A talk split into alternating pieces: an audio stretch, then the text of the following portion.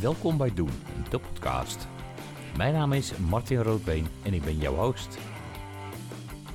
In deze podcast hoor je door de verhalen heen dat jij in de basis alles al hebt wat je zou willen en dat je dat doen en daar kunt komen wat jij wilt. Dit kan op allerlei manieren. Eén ding, doe het altijd op jouw manier. Daar staat doen een stap verder voor.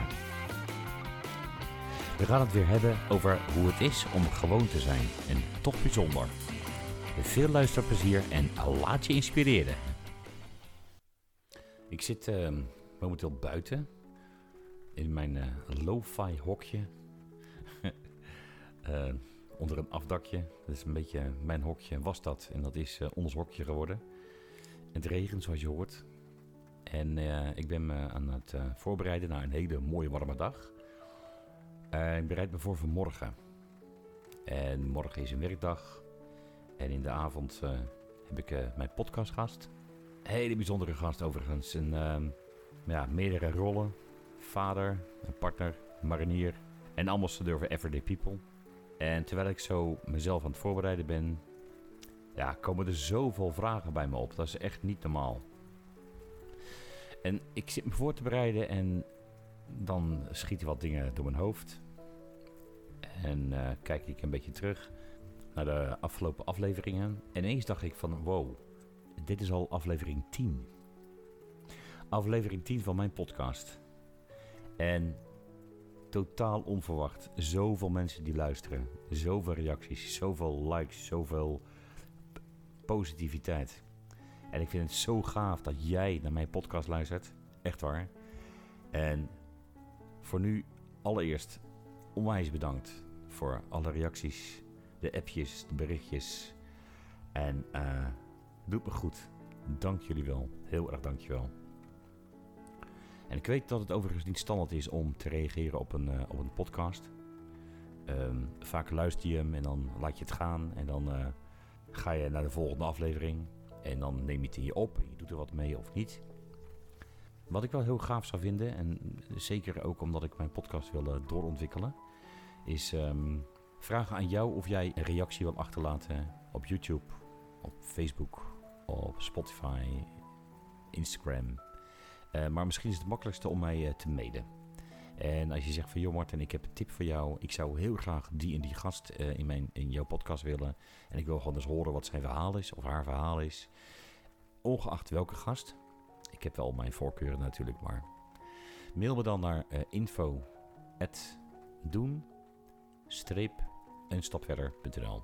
Ik zou het heel gaaf vinden, want uh, weet je, ik kan bedenken wat de gasten zijn in mijn podcast en um, wat ik wil vragen en ik kan me voorbereiden.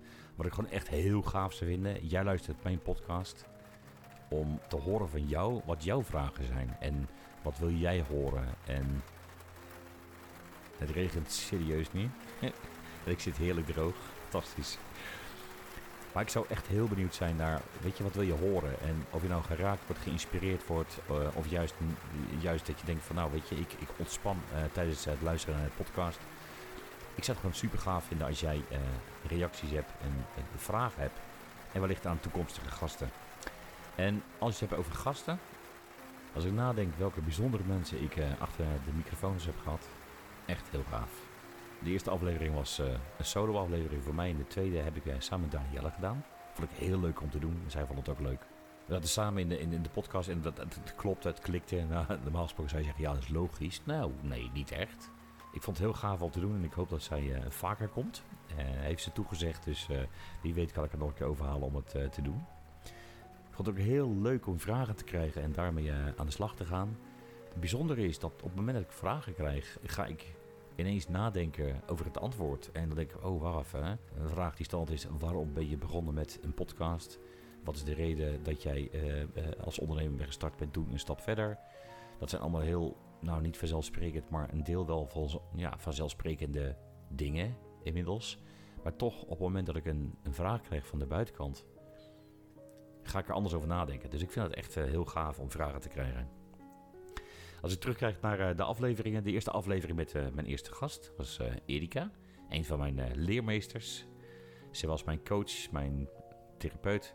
En ik vond het zo gaaf. Een heel bijzonder gesprek over jezelf zijn en leven in het hier en nu. En ik ken haar en zij kan dat als absoluut geen ander. En wat zij meegeeft, ja, vond ik weer heel treffend en inspirerend. Ja, eh, weet je, hier kan, ik, hier kan ik verder mee. En ik weet echt waar. Ik was aan het opbouwen bij haar thuis in, haar, uh, in de bakkerij achter haar. En ik was zo zenuwachtig. Dat sprak ik later uit, maar ik was echt ja, het was heel zenuwachtig. Was. Zij was mijn eerste gast en ik ken haar al, al denk, uh, 7, 8, 9 jaar zo'n beetje. Maar ik was echt heel gespannen. Inmiddels uh, is dat een klein beetje anders, hoewel ik bij bijna iedere gast uh, toch een lichte spanning heb. En misschien is het ook wel goed ook. Mijn uh, derde aflevering was met Maurice. En Maurice uh, ken ik ook al heel erg lang, van kleins af aan. Wauw, dat was zo'n gaaf verhaal. Marie Snijders, zijn hele leven bestond uit, uit vechten en knokken en in zijn eentje zijn dingen doen. En hè, van moeilijk op voetbar tot nu een topfunctie hebben bij, uh, bij Nike. En zijn ding echt ga, ga doen, gewoon doen. Ga gewoon. En toen dacht ik, oké, gewoon. Maar uit zijn verhaal blijkt wel dat iedereen tot heel veel in staat is. Heel gaaf is dat. De aflevering met Tanja daarna. De vierde. Is ook heel gaaf. Het was gewoon ja, een eer om haar als uh, mijn haptonoom uh, achter de microfoon te hebben.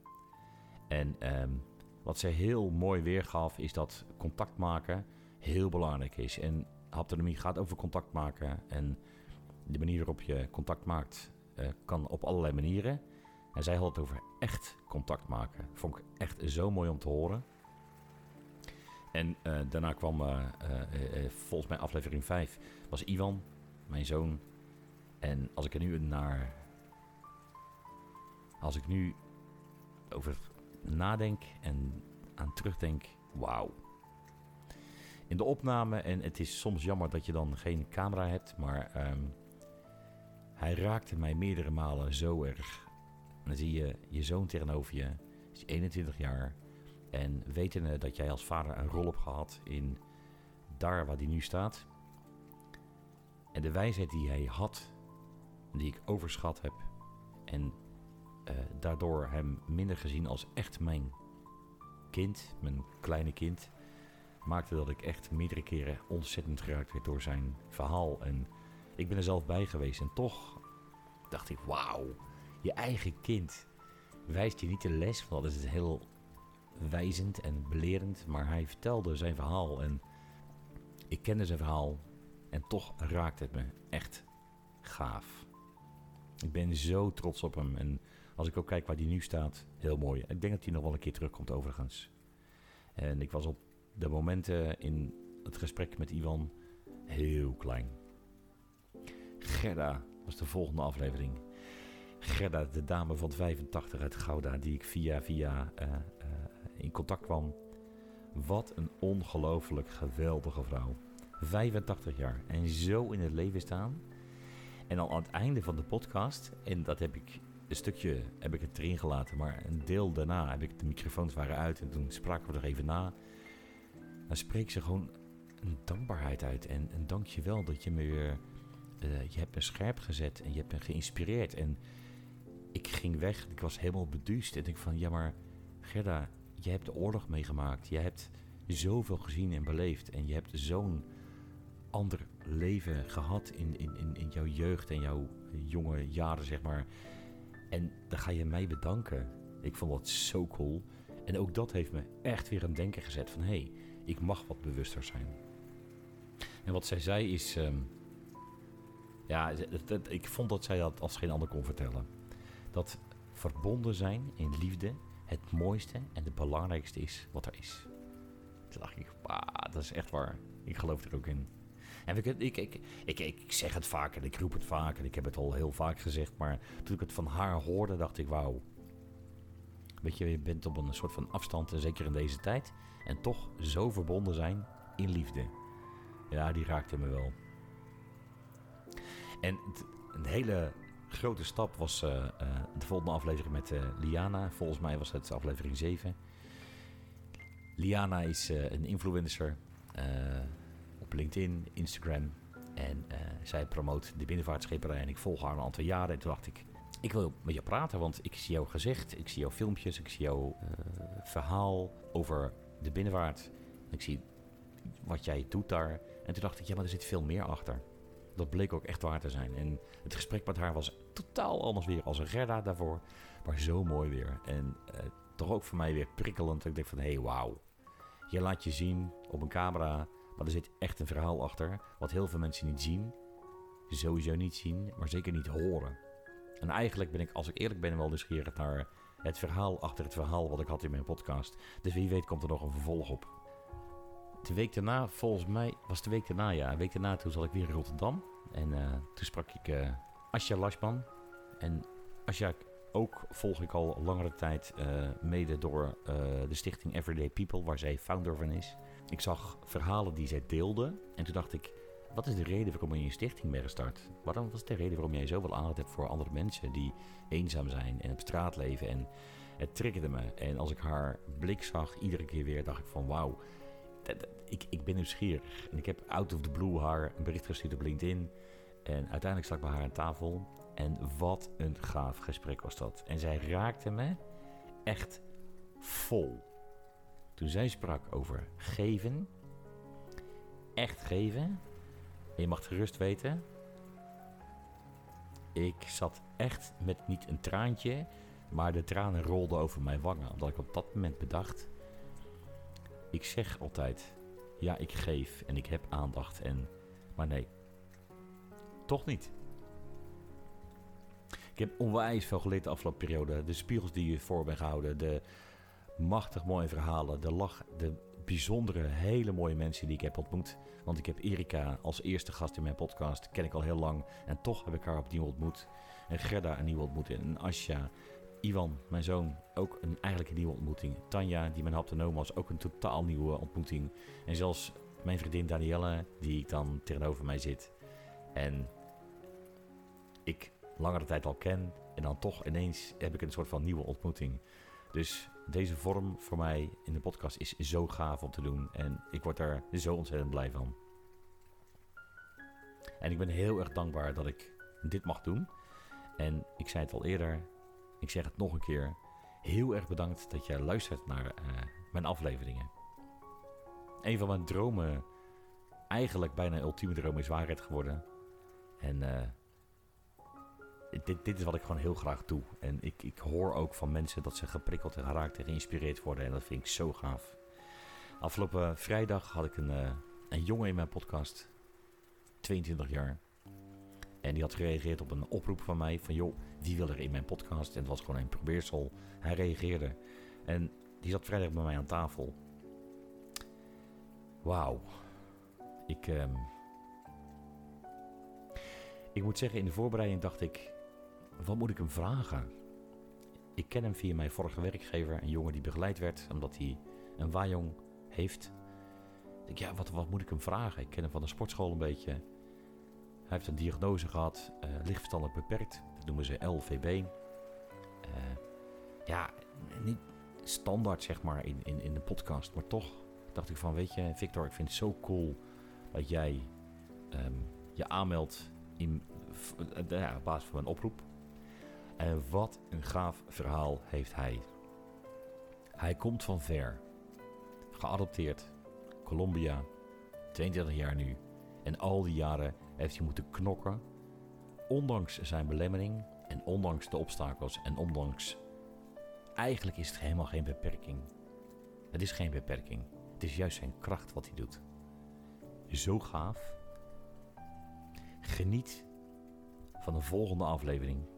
En na deze aflevering gaan er heel veel nieuwe dingen komen. Maar geniet in ieder geval van deze aflevering.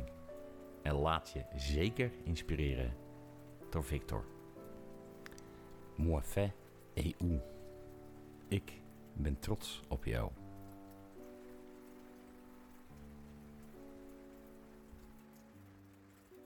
Ja, heel erg gaaf dat je zit, Victor. Ja, super cool. Ja, ja. Jij reageerde op Facebook naar aanleiding van mijn oproep. Hij zegt, Martin, ik wil heel graag in je podcast. En ik denk, Victor? ja, ik ken jou een klein beetje via mijn vorige werk. Ja, en, maar eigenlijk ken ik jou helemaal niet zo goed, maar ik weet wel een beetje van jouw verhaal. En jouw verhaal vind ik zo gaaf dat ik dacht van Victor, jij moet in mijn podcast komen, want jij gaat een zo gaaf verhaal vertellen en mensen inspireren. Dus waar ik allereerst benieuwd naar ben, wie is Victor? Ja, Victor is eh 20 jaar oud. Ja? Twee- 22 jaar oud, excuses, 22 Ja. jaar ik denk nog in het verleden. Even, dat is wel grappig, Ja. zegt 22. 22. En als je denkt aan 22-jarige Ja, ja. jongen, dan zie je vaak iemand die nog aan de groei is. Maar als ik dan voor me kijk, dan zie ik bijna mijn body maal twee. Armen net zo groot als mijn benen.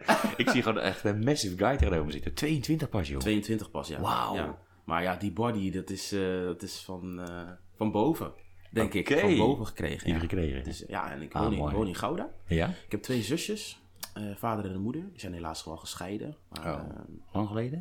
dat is elf jaar geleden Wow. inmiddels. Elf jaar geleden. Ja, soms, soms is het nog steeds wel heel erg pittig, moet ik zeggen. Weet je, dan ga je van de een naar de ander toe. En, Ik zie het eh, ook aan je. Ja, het is wel, dat emotioneert me soms nog steeds wel. Ja, Ja. Er komt gewoon heel veel van zou. En het is, eh, ja, het is nog steeds soms wel Dat pittig. vind ik wel heel gaaf wat je zegt. Ja, ja, Ik, ken het stukje. Mijn ouders zijn ook heel lang geleden gescheiden. Ja. Ik ben zelf gescheiden. ja.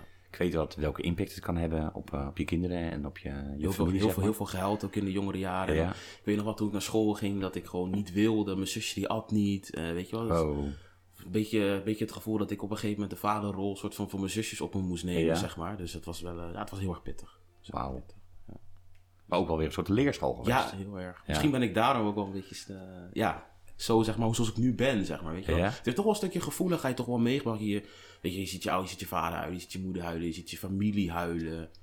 Dingen Ja. vallen uit elkaar. ehm, ja, het is wel... eh, ik, ik wens dat niemand toe, laat ik het zo zeggen. Nee. Dus, Nee. eh, nee. Het is wel echt eh, het is wel pittig. Lastige periode. Ja, lastige periode. Hey, maar je zei eh, 22, je woont in Gouda. Ja. Je hebt eh, volgens mij een vriendin. Ja, ik heb een vriendin. Die Maar- woont niet in Gouda, die, woont, die, woont, die woont in Assen. Jee. Ja, hoe ben, hoe ben ik daarbij gekomen? Ik, ik denk dat je, ik weet dat je dat gaat vragen. Ah, via, via, via Instagram ooit. Ik kende haar, zeg maar. Ik ben zelf, dan ben ik geadopteerd uit eh, Colombia. Mhm. Toen ik één, één was, anderhalf. En ehm, ik was, even kijken, denk ik, vijf jaar geleden was ik bij een, eh, bij een toernooi geweest, voetbaltoernooi. Ja. allemaal adoptiekinderen. Ik denk heel veel contact aan overgehouden van, eh, van Afrika tot aan Colombia tot aan Haiti. Daar heb ik mijn vriendin ook ooit ontmoet. Alleen, Ja? ja, we hebben zeg maar, daarna hebben we nooit meer gepraat, zeg maar. We hebben nooit meer contact gehad. En denk ik nu sinds, wat is het, een half jaar? Ja, stuurde ik jou opeens een berichtje. Weet ik, als ik het goed zeg, via een Instagram foto, dat was het gelijk, van, was het gelijk raak. Zeg maar, nummers uitwisselen. En daarna gingen we ook heel snel afspreken. Ja, en daarna is het echt in een soort van stroomversnelling gegaan. Sinds nu Gaaf. zijn we zeg maar niet meer, ja, Gaaf, man. geweest of wat dan ook. Dus ja, zeker gaaf. Jij zei Colombia. Ja, Eh, ik weet dat je uit Cali komt. Cali, Daar ben ja. geboren. Ja. Dus ik ben dan eigenlijk heel jong al weggegaan naar Colombia. Ja.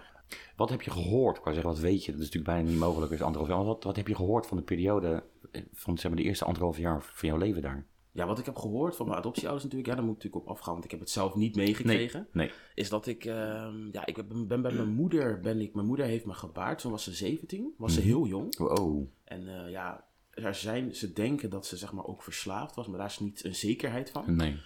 Nou, mijn moeder die was ook, was ook mishandeld toen ik, eh, toen ik één was, dus eh, ik ben door de politie ben ik uit het huis gehaald. Wauw, zo. Ja, de kans was er ook geweest dat als de politie daar niet was gekomen, dat ik daar gewoon, daar, dat ik niet meer leefde, zeg maar. Nee. Dus was ik naar een pleeggezin gegaan. Ja. En hebben mijn ouders hebben me daar vanuit dat pleeggezin hebben ze me geadopteerd. Oh, Oké. Alleen, eh, ja, dat was wel een pittige periode. Maar helaas, soms zeg ik ook gelukkig, weet ik er niet heel veel meer van. Nee. Het was wel een... eh, Maar ben je terug geweest eh, wel eens? Ja, ik ben 2017. Ben ik Oh, twee, twee weken terug geweest. Hoe Daar was ook- dat? ja, het was wel emotioneel. Want ik weet Ja. dat toen we daar weggingen, toen wilde ik niet meer weg. Oh, toen zei ik, mama, ik blijf hier. Dit is waar ik... Ja. Soort van, ik voelde echt die verbondenheid met het land. Maar het komt ook omdat ik Spaans spreek. Oké. Dus ehm, ja, ik kon daar gewoon, zeg maar, in het Spaans heb ik daar heel veel opgepakt. En eh, we hadden bijvoorbeeld, ik weet nog wel, we waren naar een, eh, naar een eh, natuurpark geweest. En er was, Ja. er was een gids. En die, die kon dus geen Engels. Dus Mhm. ik, in de ochtend hadden we ontbeten en zo, dan kwamen we bij die gids. En toen, toen zei ik in het Engels van, how are you? En dat Ja. verstond hij niet. Nee. Dus ik dacht van, oh, dat wordt weer zo'n dag, weet je wel. Ben je in het buitenland? En, want ik kon toen nog niet zo goed Spaans. Dat was ook drie jaar, even kijken, vijf jaar geleden alweer. En, eh, maar die gids die kon dus alleen maar Spaans. Dus op een gegeven moment, die hele dag was hij Spaans tegen mij aan het praten, de hele tijd Spaans. Dus op een gegeven moment ging ik het steeds meer oppakken. Oh, wauw. Want ik had alleen toen Spaans geleerd vanuit boeken, maar nog niet heel veel in het echt met mensen gepraat. Nee, nee. Dus op een gegeven moment zal ik nooit meer vergeten. Toen zei die gids tegen mij van... We waren, met een, eh, waren op reis, zeg maar, in een, in een natuurpark. Het Ja. was dus een bord met dat je de weg moest wijzen. Oh ja, ja. en, toen, ja. en toen zei hij voor een groep van... Nou, ik denk wel van tien mensen, wijs jij maar in het Spaans de weg tegen mij. Nee. Dus toen zei ik tegen hem, ja, maar dat kan ik niet hoor. Dus toen ik probeerde mijn gebrekkige Spaans, iedereen natuurlijk lachen. Ik Ja. zelf ook lachen, met een hele grappige situatie. Maar ik vond dat wel dat ik dacht van, blijkbaar had hij wel eens vertrouwen in mij. Wat lachen, joh. Dat ik dat, ik dat Ja. kon. Wat grappig. En als je nu eh, jezelf zou voorstellen, heel kort in het Spaans, in twee, drie regels. Wat zou je dan nu eh, zeggen in het Spaans? Ik zou zeggen, uh, mi nombre es Vitor. Mhm. Uh, yo tengo desi, o- desi, uh, desi dos años. Dos años, ja. Desi dos años. 20 jaar. Uh, yo vivo in. Yo vivo in Gouda. Uh, yo tengo un, uh, ja, como se dice in español, vriendin. Dat is lastig, dat, is lastig dat, is, dat, is, dat is lastig om te zeggen. Ja. Dat is lastig om te Het is zeggen. wel leuk om jou dat te horen doen zo. Ja. Dat ook had ik helemaal niet verwacht van jou. Nee, nee. Wat gaaf. Ja. Self-made. Maar ik ben sowieso heel erg goed in talen, want ik kan ook een beetje Creools, kan ik. Creols. Van uh, Haiti, van mijn vriendin. En hoe, hoe is dat? Wat voor soort... eh, Dat is eh, van Frans afgeleid, zeg maar. Dus dat kan ik ook een beetje. Ik kan, het ook, ik kan, ook, ik kan ook Creools. eh, Oh, vandaar die muziek ook. Ja, dat ja. klinkt een beetje Ja, Fransachtig. Ja. Ik, kan mezelf, ik kan mezelf ook in het Creools voor je voorstellen. Oké, heel kort. Ja, leuk. Oké. Moi, relais Victor, moi, sorti Colombie. Mhm. Dus ik, ik ben Victor, ik kom uit Colombia. Ja. Ja. Gaaf, joh. Ja. Wow. Tegen mijn vriendin zeg ik wel heel vaak, zeg maar van elke een kindje van een andere vriendin van mij zeg ik heel altijd, moi fait et ou. Dus dat betekent, ik ben trots op jou. Moi fait et Moi ou. fait et ou. Ja. En als het zeg maar bedankt bijvoorbeeld is, eh, het is bijvoorbeeld, in, in het Frans is het merci. En in het Creools is Moi het fait et ou. Ja, Ja. moi fait et ou. En in het Creools is het messi. En als je bijvoorbeeld heel erg bedankt, is het messi en pile. Weet je wel? Dus dat is, ik, heb dat, ik heb dat opgepakt. Wat gaaf, Ja, joh. ik heb het opgepakt. Dus, Oh, gewoon Ja. een multilingual noemen ze dat hè, in het Engels. eh, ja, wel, ja. gaaf. Dus, eh, ja. Mooi man. Ja, ja, ja, ja. Hey, dus je hebt best wel een, eigenlijk heel kort, een, een korte maar bijzondere achtergrond. Ja. Wel heel gaaf. En jouw naam, Victor. ja. Overwinnaar. Overwinnaar. Ja, dat, dat kenmerkt wel gewoon de persoon die ik, die ik ben. Die ik ook wel ben geworden door natuurlijk de dingen die in het verleden zijn gebeurd. Zeker. Dus eh, ja, dat is eigenlijk wel een goede, goede naam eigenlijk, als je het zo Gaaf. bedenkt. Ja. Ja. Hey Victor, ik, eh, ik, ik zei het in het begin al, ik ken jou niet heel goed. Eh, ik kende jou via eh, mijn vorige werk, hè, reintegratiebureau. Daar kwam jij eh, bij ons binnen. En mijn oud-collega Nico ging jou begeleiden. Ja. En je had gelijk al een klik met hem. En de reden dat jij bij Sterker zat, was, was dat jij toen een waaijong had. Ja. Nou, voor de mensen die niet weten wat een waaijong is. Een waaijong is een bepaalde uitkering vanuit het UWV. En de UWV zegt, dit zijn mensen die een stukje extra ondersteuning nodig hebben. Dus dat betekent dat jij heel lang begeleiding, eigenlijk de rest van je leven zou je de uitkering kunnen blijven houden. Alleen jij wilde dat niet, jij wilde aan de slag. Toen ging er dat bij mij een knop om. Dat Ja. ik tegen Nico zegt, Nico, dat ga ik niet. Ik ben jong, ik kan het, ik ga er wat van maken. En Ja. Maar ja, het is niet voor niks dat jij een waaijong Nee, hebt. nee, nee, nee. Dat, was in, dat heeft eigenlijk overgestoken, gaan we even terug in de tijd, ook met Colombia te maken, met die mishandeling. Oké. Ik heb namelijk, toen ik in Nederland kwam, ik een schedelbasisfractuur gehad en twee gebroken armen. Wow. En eh, een schedelbasisfractuur die heeft er waarschijnlijk voor gezorgd. Ik, ben ook heel veel, ik heb heel veel testjes gedaan, ook bij een eh, bureau in Rotterdam, Recouper Mhm. heet dat. Mhm. Ik heb heel veel testjes gedaan over ruimtelijk inzicht, over hoe je dingen leest, hoe je dingen begrijpt. En daaruit was dus die L, LVB, LVB, gekomen, ja. LVB gekomen, inderdaad. Maar eigenlijk vanaf het begin was altijd al een beetje... Kijk, het was wel grappig, zeg maar, in het verleden dat met mijn ouders wel eens van... Mijn ouders zeiden van, weet je wel, pas op, weet je wel, omdat je natuurlijk dat hebt. Dus dat gaat me ook een bepaald stempel, zeg maar. Die wilden me, zeg maar, ze wilden me niet tegenhouden, maar ze wilden me wel waarschuwen... dat ik er net iets harder moest voor gaan Klopt. werken als iemand anders, zeg maar. En die zeiden misschien ook, ja, misschien is het wel beter als je beschermd gaat werken of als je iets anders gaat doen. Maar ik had altijd in mijn hoofd, ik wil dat niet. Ik, Nee. ik weet dat ik het kan, ik weet mijn mogelijkheden. En, eh, Het gevaar is wel, Victor, en dat ken ik ook uit mijn werk, zeg Ja, maar. Eh, en ik kan zo maar inschatten dat het bij jou ook zo is. En ik, ik, ik haalde aan, ik zie je Ja. zitten, je bent echt een, een, een, een... Je ziet er gewoon goed uit, je bent gezond, je komt zeker over, je praat makkelijk. Ik zei, je kan lullen als brugman. Dat kan ook betekenen dat mensen jou overschatten. Dat is vaak gebeurd, ja. Ja. vaak gebeurd, ja. Wat vind je daarvan? Nou, ergens is het, het is een beetje dubbel. Ergens is de kwaliteit. Maar Ja. ergens is het ook misschien een, een, een, ja, een zwaktepunt, wil ik niet zeggen. Maar het is, een, het is een lastig punt, inderdaad. Want ik merk inderdaad wel heel vaak, als ik helemaal ga praten, dan, dan komt het wel. Zeg maar. Ja, dat dan gaat, klopt, dan gaat ja. het vloeien, zeg maar. Ja. Maar ja, waar, dat- waar dat van is, ja. Het is wel vaak gebeurd in mijn werk. inderdaad. Want vaak bijvoorbeeld, dan begon ik daar een week en was het, werd al heel veel verwacht, zeg maar. Terwijl ik eigenlijk echt in stapjes iets dingen moet leren. Dat ik gewoon anders, dingen anders binnenkomen, dingen anders leer. En eh, ja, ik heb wel heel vaak gewerkt dat, dat, wel, eh, dat het wel voor werkgevers wel lastig is om Ja. in te schatten, ja. Hoe, hoe ging je daarmee om? Ik probeer het voor te stellen, want ik heb natuurlijk wel zijdelings van Nico wat en ander gehoord.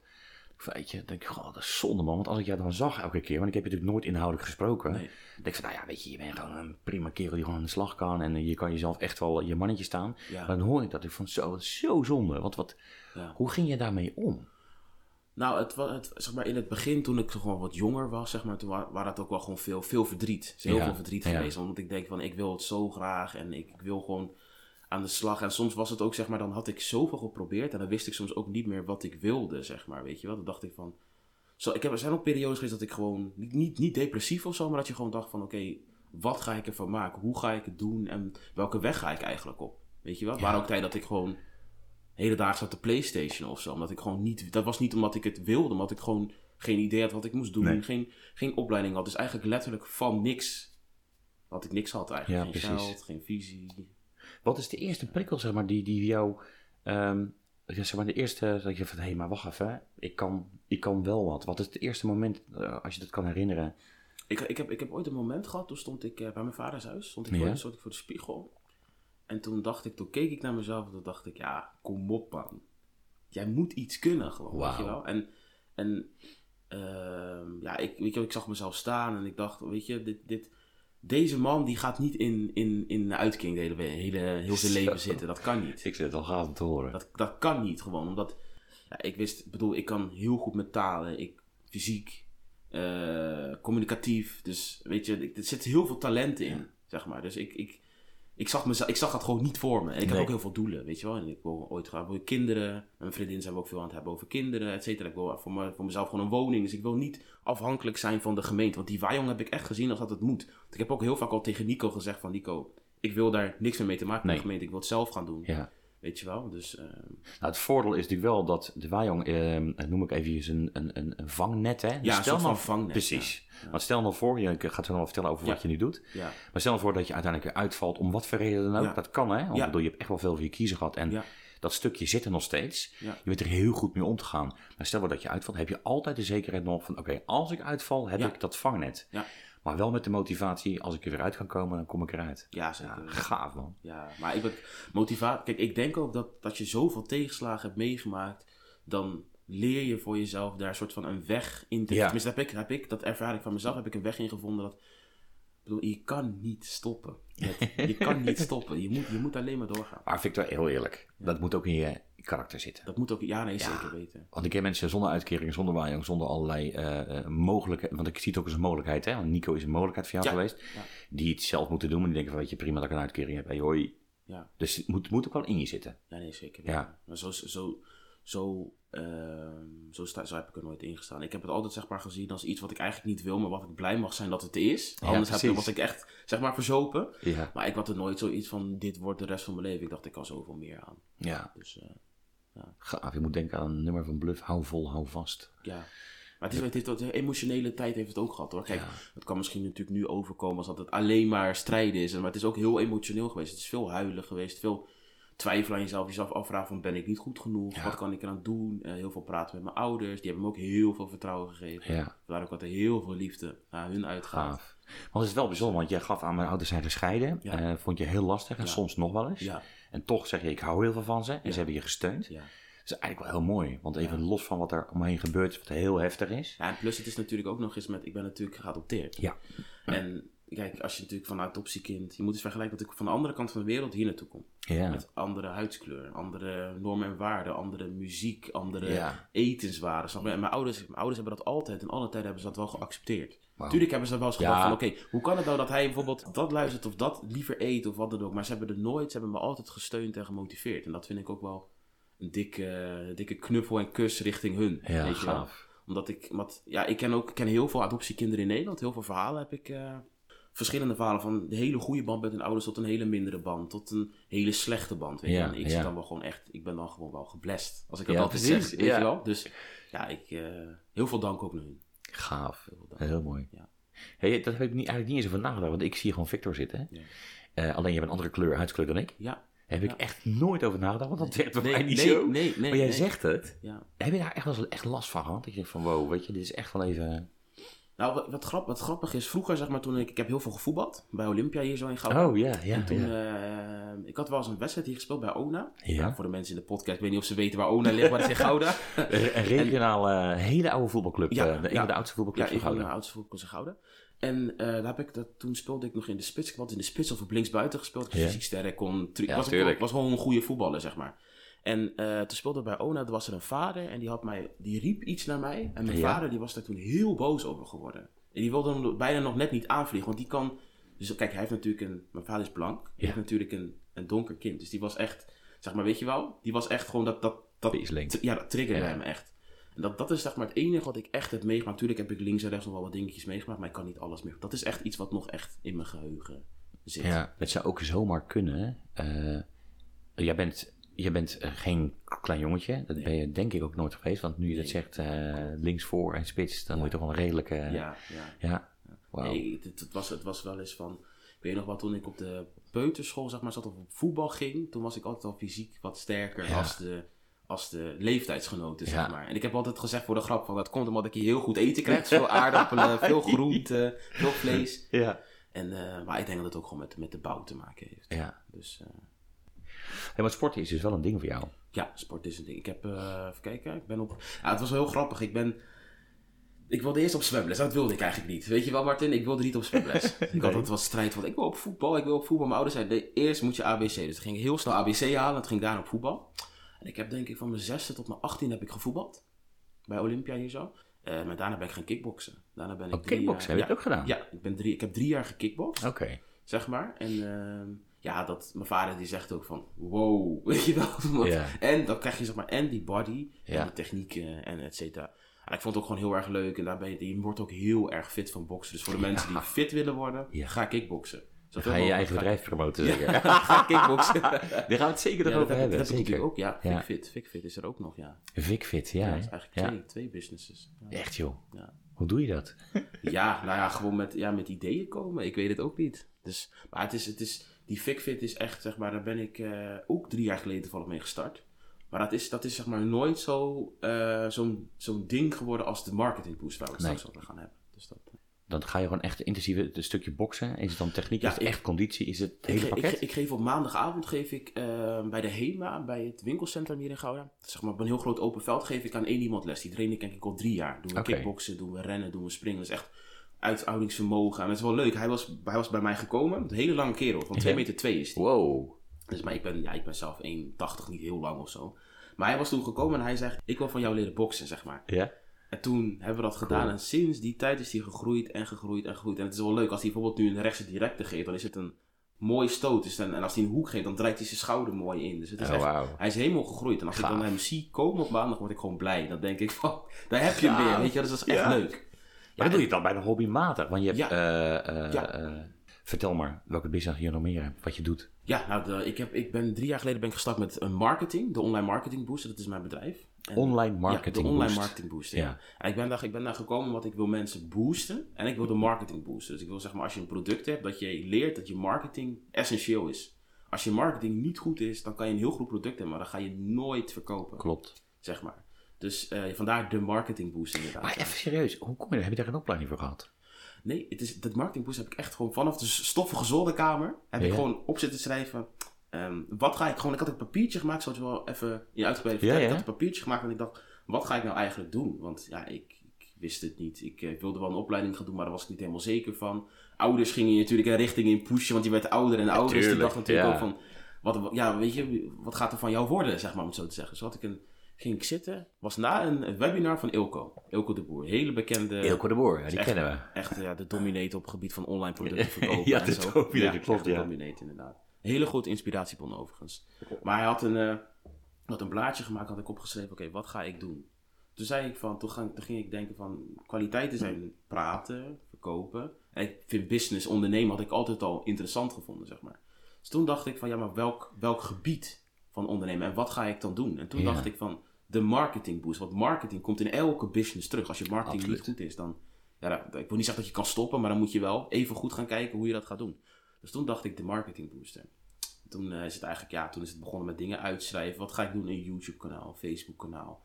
ehm, LinkedIn kanaal, Pinterest kanaal hebben we er nu ondertussen ook bij. Allemaal kanalen. En dan ging ik denken, welk kanaal is nou het meest aansprekend voor de doelgroep die ik wil gaan bereiken? En Ja. is natuurlijk de mensen die gaan over internetmarketing, affiliate marketing, eh, e-mail marketing. Dus van alles, alles met marketing, zeg maar. En eh, ja, toen heb ik, ben ik dat gewoon gestart met blanco, met geen geld, geen visie, geen doel. Maar ik zag wel gaandeweg dat het een beetje begon te groeien. Mensen gingen zich aanmelden, ik kreeg leuke reacties. Eh, mijn ouders waren in het begin een beetje van, oh, een bedrijf starten, weet je wel, van, Ja. kan je dat wel, Ja, zeg maar. precies. Vooral mijn moeder. Mijn moeder, maar mijn moeder heeft het me nooit niet gegund. Mijn moeder was altijd bang van, eh, weet je wel, gaat het wel goed? Kan je het wel aan op je is meer schouders? de angst Er geweest. komt veel, er komt natuurlijk veel bij. Ja, nee, dat eigenlijk. Dus ja, ze was, ze was angstig en eh, ze was gewoon bang van, oké, kan je dit wel? Natuurlijk ook met het verleden in, eh, in ogenschouw genomen. Dus wat gaat dit zeg maar worden? Maar Ja. inmiddels, zeg maar, ja, drie jaar verder natuurlijk, drie jaar heel veel geleerd. Van, want eerst wist ik persoonlijk ook niks van marketing en over internetmarketing. En ik Het is wel bizar, hè? Als Ja. ik dit nou zo hoor van jou, Ja. Victor. Eh Wajong, weet je, nee, eerst geadopteerd. Heftige basisjeugd. Ja. Wajong, omdat je werd bestempeld eh, als een LVB'er. Vervolgens kom je overal tegenaan, loop je overal tegenaan, ga je je dingetje doen, ben je weer aan het zoeken.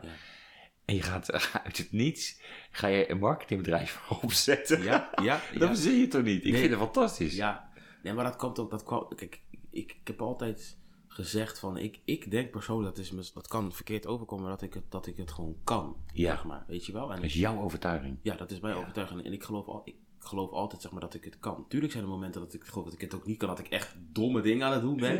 maar ik geloof wel dat ik het kan. Ja, en en, dat, dat is de reden dat ik het ben gestart. Zeg maar.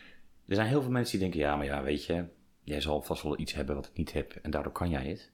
Zou jij eens, eh, eh, ik heb het over inspiratie gehad. Ik bedoel, als ik dit verhaal hoor, dan word ik echt wel getriggerd en geïnspireerd. Denk je dat meer, meer mensen kan doen. Zou je bijvoorbeeld iets kunnen zeggen ehm, tegen mensen die dit luisteren, die van, weet je, dit geef ik je mee, want je kan het, of iets in die trant. Nou, wat ik je mee wil geven, wat ik ook heel erg merk, is met bijvoorbeeld als je begint met een bedrijf of vooral ook met internetmarketing, heel weinig mensen die weten wat je kan doen op het internet. En wat het internet inhoudt. Maar goed, dan moet je wel beginnen. Ja, je moet wel, je moet er wel, zeg maar, je moet, tuurlijk moet je ermee beginnen, maar wat ik wil zeggen, als je er zeg maar, nog helemaal niks van af weet en denkt aan een bedrijf gaan starten, doe het. Gewoon doen. Gewoon, gewoon doen. En Ja. ik zeg niet dat je heel veel risico's moet nemen, dat je roekeloos moet zijn, maar je moet het wel gewoon doen. En dan komt toch een beetje erin van, als je, jouw overtuiging is dat je het kan, moet je het doen. Want het is mij ook, het is mij ook gelukt. Maar het is best mij ook niet aankomen bij. Ik had niet bergen met geld, ik had geen technische of commerciële kennis, ik had Nee. gewoon eigenlijk niks. Ik had gewoon een droom. Dus jij, ja, oké, dus jij zegt, ik heb een droom. En die droom maakte dat ik overtuigd was en ben Ja. dat ik het kan. Ja, En daardoor ben ik het gaan doen. daarom ben ik het gaan doen. Maar het is ook omdat ik het gewoon heel erg leuk vond en dat Ja. ik het gewoon heel graag wil. Dus iedereen zeg maar, die, die kijkt nu of die denkt van... Ja, ik wil ook een bedrijf starten, maar eigenlijk wil ik het niet. Want mijn omgeving die gelooft niet in, mijn ouders, mijn vrienden. Niemand die gelooft erin, doe het. Want als het jouw visie is, jouw overtuiging, dan weet ik dat jij het gaat doen. Het is heel gaaf. Ik, ik had dit niet verwacht ook, Victor. En dat is het bijzondere aan een redelijk spontane actie van jou. En ik hoor dit en denk van, wauw. Je komt van zo ver. Zover. En door te doen, en ook een stukje lef, want het is het ook. En een aantal mensen om je heen die jou steunen. En het, ik wil bijna zeggen bizar, maar het bijzondere is dat bijna in iedere aflevering van mijn podcast komt voorbij dat het die stap doen is. Dat je het uiteindelijk gewoon moet doen op eigen kracht. En als je maar één, twee of drie mensen om je heen hebt die jou steunen.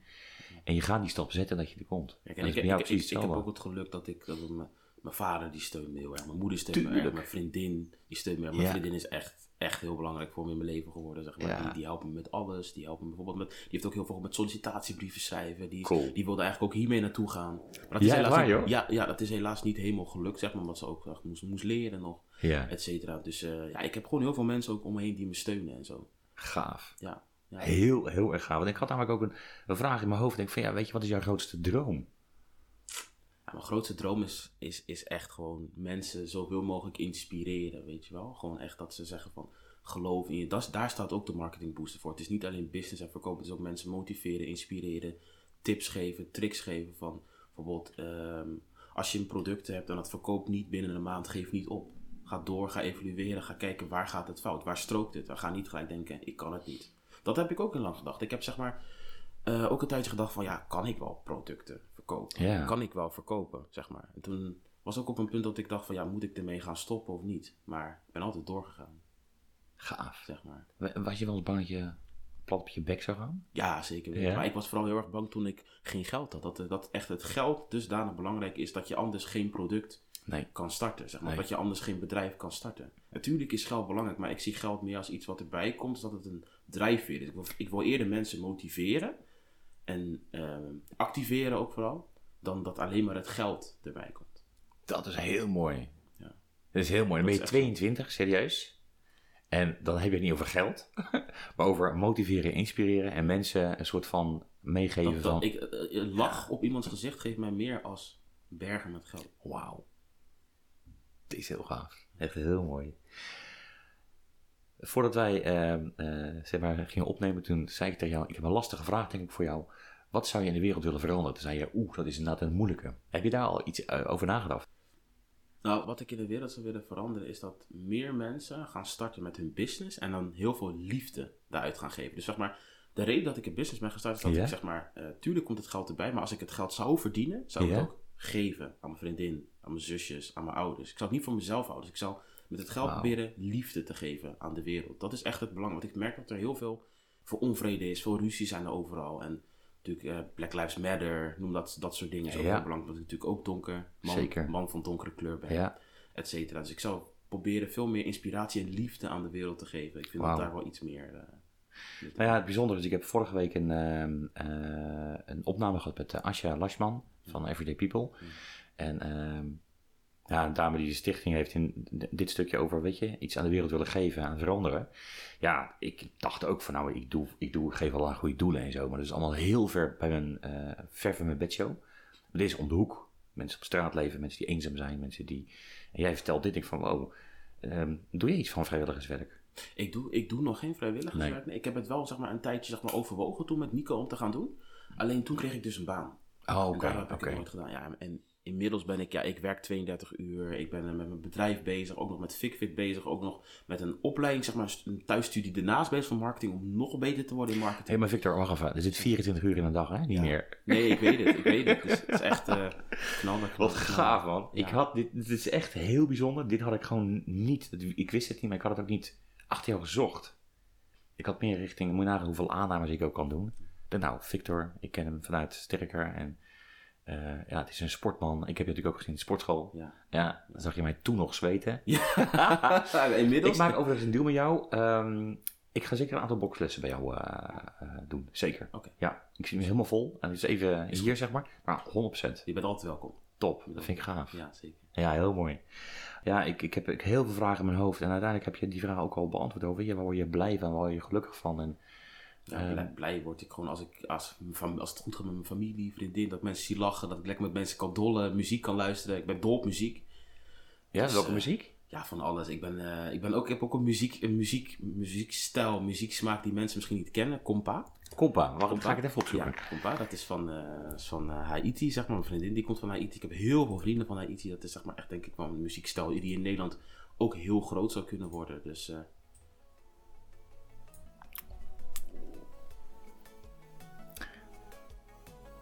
als, ik, Klinkt wel heel lekker, hè? als ik dit hoor, word ik wel echt wel blij van, ja. Ja. ja. Dus mensen, ga Compa luisteren. Word blij. Kompa, dat is met een K, hè? Compa, ja. Kompa. ja. K-O-M-P-A. Ja. Klinkt heel relaxed ook. Ja, het is een Ja. beetje gerelateerd van zoek. Maar als ik dit hoor, dan kom ik soort van in een zone, zeg maar. Ook als ik een webinar ga maken, als ik webinar bouw ben, Ja? dan luister ik meestal ook wel compa. Want hier word ik gewoon, komt het op gang of zo. Ik weet niet wat het is. Dat is cool, joh. Ja. En, en het is eh Haitiaanse muziek? Haitiaanse muziek. Oké. Ja. Het is echt wel Caribische, Caribische, Ja. Caribische vibe. Klinkt heerlijk. Ja. Ik had er nooit van gehoord, dus dit komt met regelmaat eh Ja. gaat hier gebruikt worden. En het is wel grappig, want mijn vader, mijn Nederlandse vader, die dacht ook eerst, wat, wat is dit nu weer? Ja, Weet je precies, wel? Maar, maar soms, soms hoor ik ook wel stiekem dat hij ook wel denkt van, nou, dit is toch wel... Toch eh, wel lekker. Het is toch wel lekker, ja. Ja, ja, ja. Wat gaaf, joh. Dus ja. Hey Victor, ehm voordat we afsluiten, ik ben heel benieuwd naar eh, waar ben je te vinden? In de thuis bedoel je? Of, eh, Business. business. Ja, online. Online, moet je- online moet je me vinden. De Marketing Boost. Via Instagram, via Facebook, via YouTube, via Google. Het is gewoon de online marketing booster. En dan eh, gauw dat achtertypen, dan kom je op onze website terecht. Als je dan klikt op een knop, kom je in een webinar terecht. En als je dat webinar komt, dan kom je op de pagina terecht waar we dus producten verkopen, et cetera. Op de Cool. website kan je nog heel veel lezen over wat we doen. En de Marketing Boost, Ja. is het DE of THE? DE. De DE. online marketing Dus echt boost. de Ja. online en marketing boost. En op Instagram zijn we ook echt aan het knallen. We hebben nu al bijna 250 berichten op onze pagina staan. met- ik maak daar video's, ik geef mini-webinars, ik geef foto's, ik geef lessen, ik geef, probeer mensen te motiveren, inspireren. Dus dat is echt de main, Heel, de heel main erg thing. De main thing. En ik moet denken aan wat je net zei. WKEU. Ja, WKEU. Ja, Tof. ja. Hey Victor, onwijs bedankt eh, voor het gesprek. En misschien komt er echt nog wel een vervolg aan. Want als ik jou hoor, dan kan het niet anders dat jij Ik nog hoop meer... het, eh, Martin. Ik hoop het. Zeker. Ik heb er echt zin in. Dus het was, eh, thanks voor je tijd. Hey, helemaal tof man, dankjewel. Dankjewel. Gaaf.